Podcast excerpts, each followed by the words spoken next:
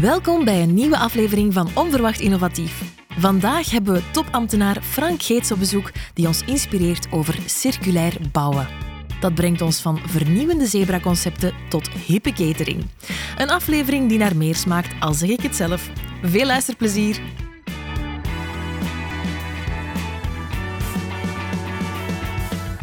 En bij ons zit ondertussen meneer Frank Geets. Ehm, ik ga mijn lijstje met titels erbij halen, Frank, want het is heel wat. Heel bewonderenswaardig ook. Administrateur-generaal van het facilitair bedrijf, voorzitter van Vlaanderen Connect, voorzitter van MOVI, dat is de Vereniging van Leidend Ambtenaren, en lid van de Raad van Bestuur van het Vlaamse Energiebedrijf. Dat klopt, allemaal. Welkom Frank. Heel wat titels. Eh, we zijn dan ook heel vereerd om jou hier bij ons te Dank gast u. te hebben vandaag. En we gaan het met jou hebben over ehm, circulair bouwen. Maar voor we daarover spreken, zou ik heel graag eh, nog eens vragen: wat is het facilitair bedrijf precies? Wel, het facilitair bedrijf is een ondersteunend agentschap dat dus, laat ons zeggen, de collega's van de Vlaamse overheid ontzorgt op gebied van vastgoed. En dat gaat heel breed, bouwprojecten, huren, verhuren en zo verder. Op het gebied van facility management. Want als je een gebouw hebt, dan moet je het ook onderhouden, beheren en zo verder. Wij zijn ook verantwoordelijk voor alles wat met de archivering te maken heeft, zowel op papier als digitale documenten. En wij zijn ook de aankoopcentrale voor generieke goederen en diensten voor de Vlaamse overheid. Dus al die zaken die een ambtenaar nodig heeft om zijn job te doen, van ICT-materiaal over kantoorartikelen, een bedrijfswagen, eh, tot en met een abonnement op een krant, of je kunt het zo gek niet noemen, wij zorgen daarvoor. Oké. En als, je, als ik dat nu hoor, dan denk ik: hoe is innovatie daar van toepassing? Wel, wij doen innovatie op praktisch alles wat we doen. Als je catering voorziet voor mensen, dan kun je daar innovatie in doen. Naar producten, naar methoden, de manier hoe dat je dat tot bij de mensen brengt. Maar ook als je gaat naar aankoop van ICT-materialen, kun je dat op innovatieve manieren doen. Dus we proberen die duurzaamheid en die innovatie door te trekken in al die honderden dienstverleningen die wij allemaal geven aan onze collega's. Oké. En dan word ik zelf wel nieuwsgierig als je zegt eh, eh, innovatie in catering. Wat is zoiets wat jullie hebben geïnnoveerd binnen de catering? Bijvoorbeeld, ik denk dat wij vrijwel de eerste waren hier in het brede omgeving die eh, zelfscan-kassas gebruikt heeft bij het uitchecken. Oh ja. Dus we hebben geen kassierster meer die afrekenen. De mensen doen, gaan zichzelf betalen en gaan zelf zeggen wat hebben we genomen en daarvoor betalen. Mhm. In ruil daarvoor hebben wij met die mensen die we daardoor uitgespaard hebben, zijn we naar een beter assortiment gegaan. Oh ja. En dat is bijvoorbeeld misschien iets heel simpel, iets dat in het buitenland al bestond, maar dat we hier op de markt nog niet zagen. En ja, dan krijgen wij altijd die goesting om dat te doen. Allee, ons, ons DNA van ons agentschap is doen. En dat betekent dat we in alles wat dat we doen, dat we daarin willen excelleren. Soms geeft dat wel wat problematieken, want dat geeft soms wel wat druk. En eh, ja, mensen zeggen, ja, we moeten nu in alles gaan veranderen, we moeten alles innoveren. Maar eigenlijk niet innoveren is stilstaan. Ja, als we gewoon blijven verder doen zoals we het al al die jaren gedaan hebben, ja, dan lijkt het alsof dat we ambtenaren zijn. Hè? En contractueel zijn we dat wel, maar we willen niet in die sfeer. Wij zeggen van wij willen de betere zijn qua facility management, de betere zijn qua bouwprojecten. En dat voor de ganse Belgische of Vlaamse of Europese markt. Niet gewoon de betere binnen de overheid. Ik vind dat een zeer artificiële afscheiding tussen ja, privé en, en overheid. Nee, wij willen gewoonweg het beste kantoorgebouw hebben. Mooi, mooie insteek en mooie, mooie manier van denken. Gebouwenbeheer, hè, zoals je zegt, is een, een belangrijk onderdeel van jullie takenpakket. En daarin kijken jullie naar circulair bouwen. Maar wat betekent die, die term nu precies? Maar circulair wil eigenlijk zeggen dat je gaat proberen zo weinig mogelijk nieuwe grondstoffen te gaan gebruiken voor je gebouw. Hè, Het Belpaire-gebouw is daar echt het eerste grote voorbeeld van. En zover als ik weet, in de verre omtrek het enige grote voorbeeld eh, van een gebouw waar we in geslaagd zijn van meer dan 97% van de materialen, de tonnage van het gebouw, om die circulair te maken. En hoe hebben we dat gedaan? Gewoon een stuk van het bestaande gebouw is blijven staan. Daar hebben we niks mee gedaan. Dat is ook circulair. Niet afbreken en opnieuw bouwen. Van hetgeen dat we afgebroken hebben, hebben we nieuwe dingen gemaakt. Dat hebben we allemaal gaan recycleren. En voor ons is dat dus geen afbraak geweest, maar een demontage. Want heel veel dingen die we daar gedemonteerd hebben, deuren, vloertegels, uh, plaatmateriaal en zo verder, gaat teruggebruikt worden als vloertegels in het nieuwe gebouw of elders. We hebben daar moeten betonnen vloeren afbreken, die zijn we gaan malen. En een betoncentrale heeft dat teruggebruikt om nieuwe beton van te maken. Dus eigenlijk was die demontage was niet gewoon een hoop afval, een hoop puin, maar was eigenlijk een containerdorp, een recyclagepark, waar we alles gingen scheiden. En de meeste van die materialen zijn dus allemaal kunnen hergebruikt worden in een of andere mate. Er zijn altijd dingen die je nieuw moet hebben in zo'n gebouw. Dat gaat over ehm, de tapijten. Er lagen nog wel tapijten in dat gebouw, maar die waren al zeer oud. Maar degenen die nog in goede staat waren, hebben we gebruikt in andere gebouwen waar we een kleine renovatie moesten doen, andere gebouwen van de Vlaamse overheid. Het tapijt dat we meer konden gebruiken is gerecycleerd en daar wordt dan weer nieuw tapijt van gemaakt. Dus al de materialen die niet uh, gerecycleerd of gewoon hergebruikt zijn, zijn uh, materialen waar we cradle-to-cradle certificaten van hebben. Waar we dus exact weten hoe zijn ze gemaakt en op het einde van de levenslijn waar gaan we ermee doen? Hoe gaan we ze hergebruiken? En gewoon weggooien op een stort is voor ons absoluut geen optie meer. In mijn jeugd heb ik nog, toen mijn ouders aan het bouwen waren, moeten stenen kuisen met een hamertje de cement eraf kloppen en die stenen werden hergebruikt. Wat dat we vandaag doen, en dat is zo sinds de jaren 60, 70, 80 is dat meer gekomen, we breken gewoon alles af, we gooien alles op een hoop en we bouwen alles nieuw. Dat heeft natuurlijk een geweldig energieverbruik, CO2-uitstoot gekregen. Als we zo bleven verder doen, dan werd het heel duur om nog te bouwen, omdat de grondstoffen opgeraken. Dus ook om het nog een beetje werkbaar te maken op deze aarde, moeten we dat circulaire omarmen. Kunnen we niet anders meer. Mhm. En als we dat niet gaan doen, dan komen we in crisissen waar materialen 20, 30 procent duurder worden, waar er geen materialen meer zijn. En nu met de oorlog in Oekraïne hebben we dat gezien, een grote staalfabriek dicht. Ja, wij hadden werven die stil lagen omwille van een gebrek aan staal.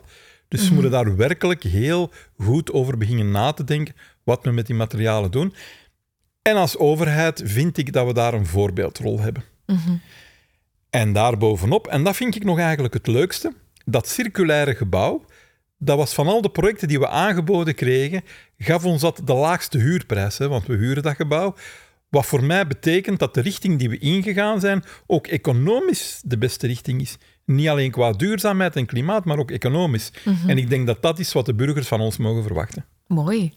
Want het is, ook, het is ook goed dat je aanhaalt van het is het, is het gebouw wat eigenlijk in, economisch het interessantste was van, van onze hele portefeuille. Want leeft er niet het idee dat circulair bouwen duur is of duur moet zijn? Nu, innovatie heeft natuurlijk altijd wel een kost. hè? Mhm. Toen wij begonnen zijn met circulair beton en we hebben die laten certifiëren, cradle to cradle, ja, die betoncentraal had dat nog nooit gedaan. Dus die hebben moeten experimenten doen.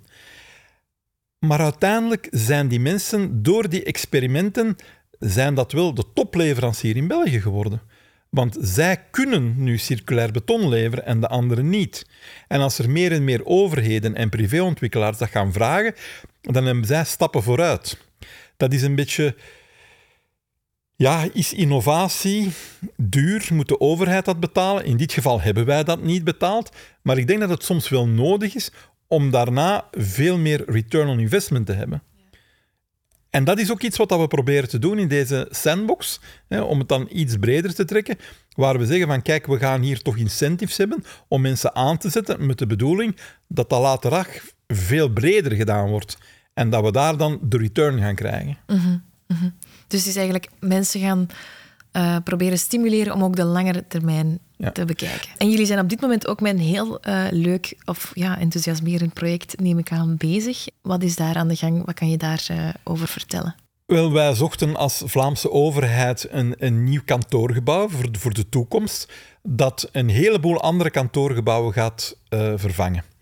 Waarom gaan wij naar een nieuw kantoorgebouw? Wel, ten eerste, het heeft een totaal andere inhoud nodig. De kantoor van morgen is niet meer de hokjes van vroeger. Maar wij willen ook naar kantoren die een voorbeeld zijn op gebied van duurzaamheid, energieverbruik, waar wij ook moeten de voortrekkersrol spelen. Ja, en dan kwam dit gebouw um, kwam dan op onze route samen met een aantal andere gebouwen. En we hebben hier zeer bewust voor gekozen omdat wij, een, het was een gebouw ook zeer kort bij het uh, Noordstation, dus ook qua mobiliteit was dat uh, uh, zeer handig. Maar het was ook een project, en dat, dat was ook leuk om mee te nemen, dat niet enkel een monofunctie gaf, een heel groot kantoorgebouw dat na vijf uur s'avonds donker en gesloten is, maar het is een gemengd gebouw. Er zijn appartementen, er is een hotel, er is een stadstuin, er zal een fitness zijn en zo verder. Dus het is een gebouw dat ook na de uren zal bewoond worden en beleefd worden. we hebben een groot auditorium. Dat zal binnen de Vlaamse overheid ook s'avonds veel kunnen gebruikt worden en zo verder. Dus we proberen daar werkelijk levendig te maken. En we hopen dat dat een beetje een stimulans gaat geven om die Noordwijk, die vandaag de dag een zeer triestige wijk is, eh, enkel grote kantoorgebouwen, om daar toch terug een beetje het leven in te brengen dat er vroeger heel veel was. Mhm. En ik denk dat dat gemeenschappelijk is met onze bouwmeester, ook met de Brusselse bouwmeester, waar men zegt van we moeten af van dat, van dat monolithisch geheel van kantoorblokken Mhm, mhm. Eh, en we moeten daar terug leven brengen in die wijk. Eén gebouw zal natuurlijk de lente nog niet maken, maar er zijn ondertussen Proximus die hebben gezegd, ja, we hebben hier twee torens. Door allerlei omstandigheden, covid, thuiswerken en zo verder, hebben we maar één toren meer nodig. Wel, die tweede toren gaan ook andere dingen komen. Kantoren, bewoning en zo verder. Mhm. Dus stilaan zien wij dat wij daar ook kunnen een rol spelen binnen die Brusselse maatschappij. En dat is toch ook altijd leuk om mee te nemen. Welke rol speelt technologie vandaag in jullie innovatie? Wel, als ik kijk naar gebouwen, een gebouw vandaag de dag is per definitie een smart building. We gaan verwarming, ventilatie gaan aansturen op basis van temperaturen die we meten in elke kamer, de CO2 die we meten in elke kamer. We gaan niet te veel ventileren, want dat kost energie. Hè. Je, je, moet koude lucht van buiten gaan opwarmen. Maar we gaan ook niet te weinig ventileren, want dat is slecht voor de gezondheid. Vandaag de dag, het gebouw is standaard uitgerust met wifi.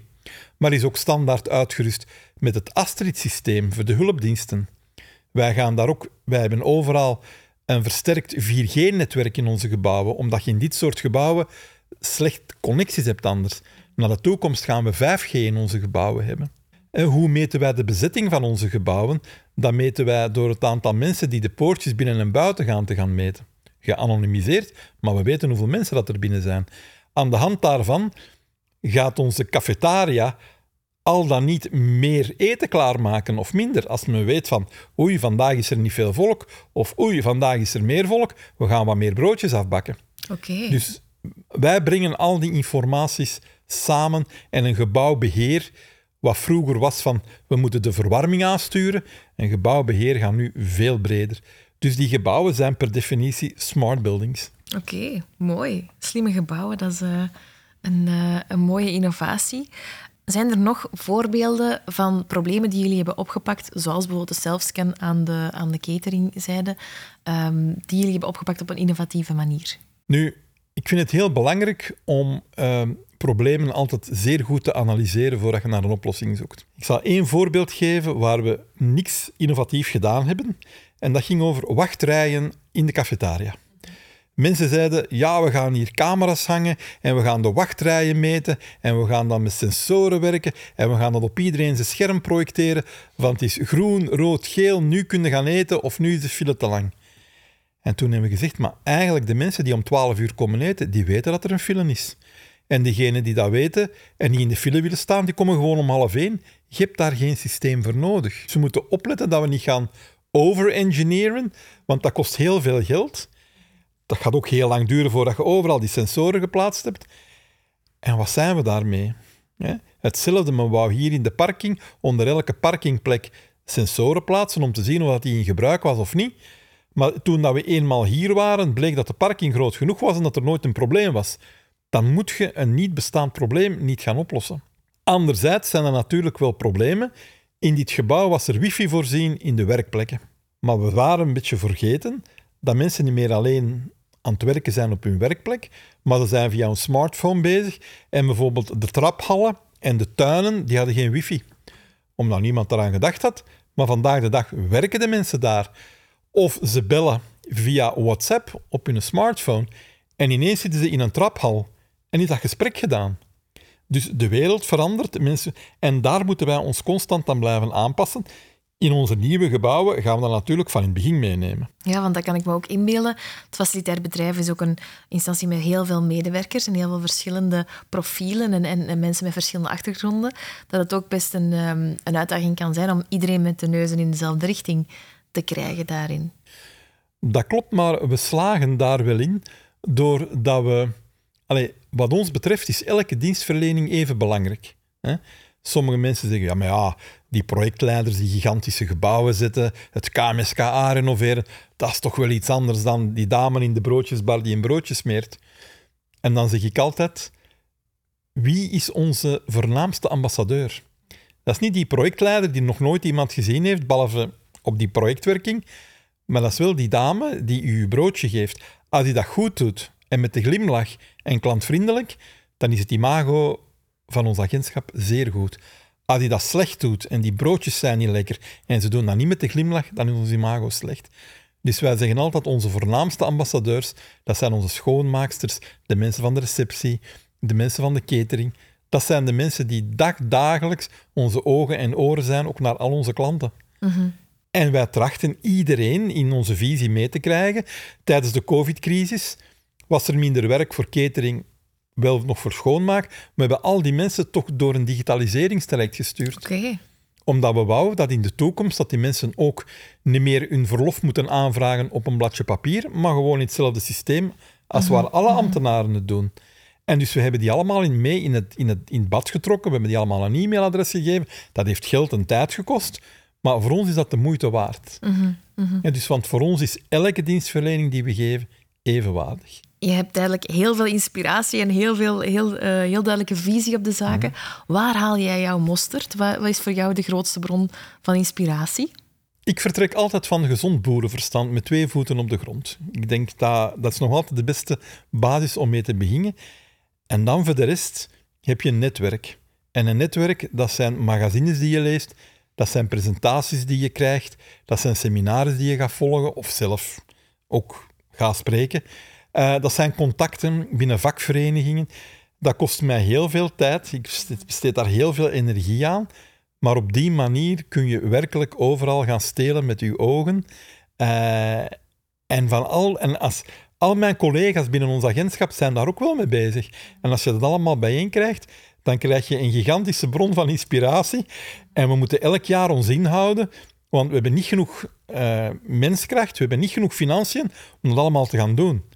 Dus we gaan altijd wel moeten keuzes maken, maar die inspiratie die ligt buiten ons gewoon voor het grijpen. Maar af en toe moeten we eens buiten de landsgrenzen gaan kijken en af en toe moeten we ook eens gaan kijken, dat is een technologie die gebruikt wordt ehm, in een totaal andere sector voor een totaal andere dingen. Maar, ehm, een mooi voorbeeld daarvan is tijdens de covid-crisis was er een gebrek aan ontsmettingsalcohol. En wij moesten die gaan kopen voor de rusthuizen, voor de Vlaamse overheid en zo verder. En waar haalt je dat? Er was in, eh in Sint-Truiden eh, iemand die een afvulmachines had voor fruitsappen mee te maken. En die hadden ook een distillerij waar ze alcohol stookten. Nu, ontsmettingsalcohol is eigenlijk alcohol met een verdikkingsmiddel en dan nog wat verdund in een glazen fles. En dan zou je denken van, ja, maar ja, dat is iemand die fruitsappen maakt.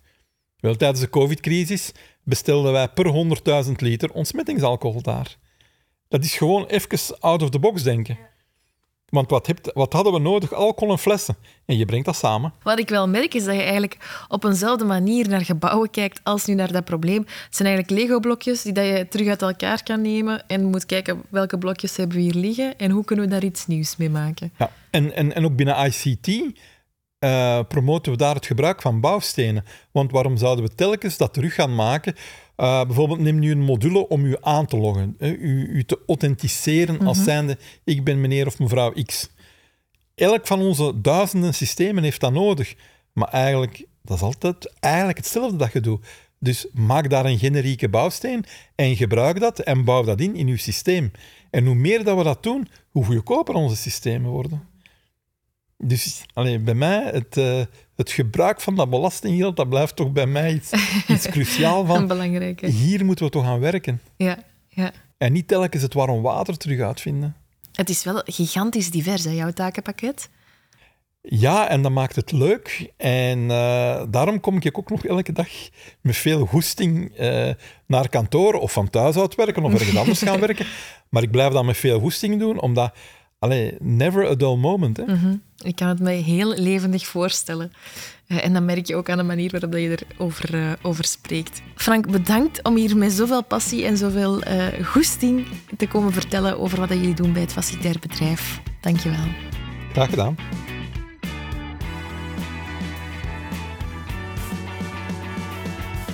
Dit was Onverwacht Innovatief. Bedankt om te luisteren. Heeft deze aflevering je geprikkeld of ben je zelf geïnspireerd om te innoveren? Luister dan zeker onze andere afleveringen. Je vindt ze op sandboxvlaanderen.be of via jouw favoriete podcast-app. Tot hoors!